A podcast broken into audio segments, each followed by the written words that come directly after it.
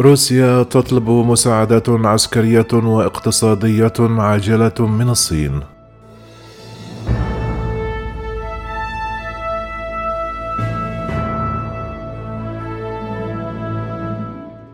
على وقع العقوبات الغربية القاسية والمؤلمة إلى حد بعيد كما وصفها سابقا الكرملين التي فرضت على البلاد لجأت على ما يبدو روسيا إلى حليفها القوي الصين كشف مسؤولون مطلعون أن موسكو طلبت مساعدات اقتصادية وعسكرية من الصين لمتابعة العملية العسكرية في أوكرانيا وللالتفاف على العقوبات الغربية في وقت حذرت واشنطن مرارا بكين من مساعدة موسكو وذلك بحسب ما نقلته صحيفة نيويورك تايمز الأمريكية.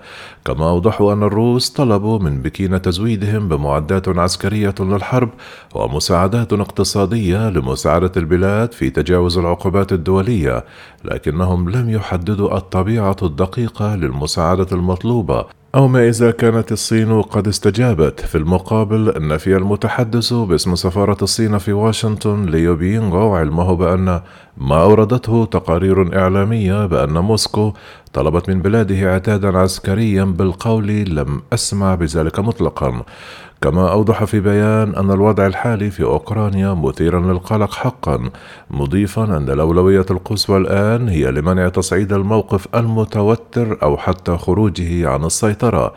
يذكر أن تلك المعلومات أتت في وقت يتوقع أن يلتقي وفد أمريكي عالي المستوى مسؤولا صينيا رفيعا اليوم الاثنين في روما.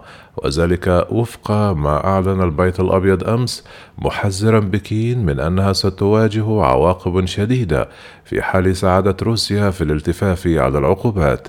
إذ يرتقب أن يناقش مستشار الأمن القومي جاك سوليفان اليوم مع كبير الدبلوماسيين في الحزب الشيوعي الصيني يونغ جيشي.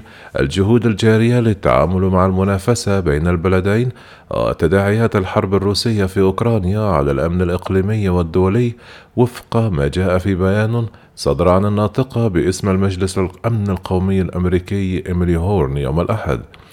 كان سوليفان أكد عبر قنوات تلفزيونية عدة أمس أن البيت الأبيض يراقب عن كثب لمعرفة ما إذا كانت الصين تقدم دعما ماديا أو اقتصاديا لروسيا لمساعدتها في التخفيف عن تأثير العقوبات. يذكر أن بكين رفضت مرارا أن تندد بالغزو الروسي، محملة حلف شمال الأطلسي المسؤولية عن تفاقم النزاع عقب توزيع وجوده باتجاه الشرق الأوروبي. كان القرملين أطلق في الرابع والعشرون من فبراير الماضي عملية عسكرية وصفها بالمحدودة على الأراضي الأوكرانية إلا أنها سرعان ما توسعت لتصل جنوب البلاد وشرقه وحتى محيط العاصمة كييف مما أدى لاستنفار أمني غير مسبوق في المنطقة بين موسكو ودول حلف الناتو. كما طالت روسيا عقوبات غير مسبوقة وقاسية شملت شركات كبرى ومصارف وسياسيين وأثرياء حتى أنها تخطت الخمسة آلاف عقوبة.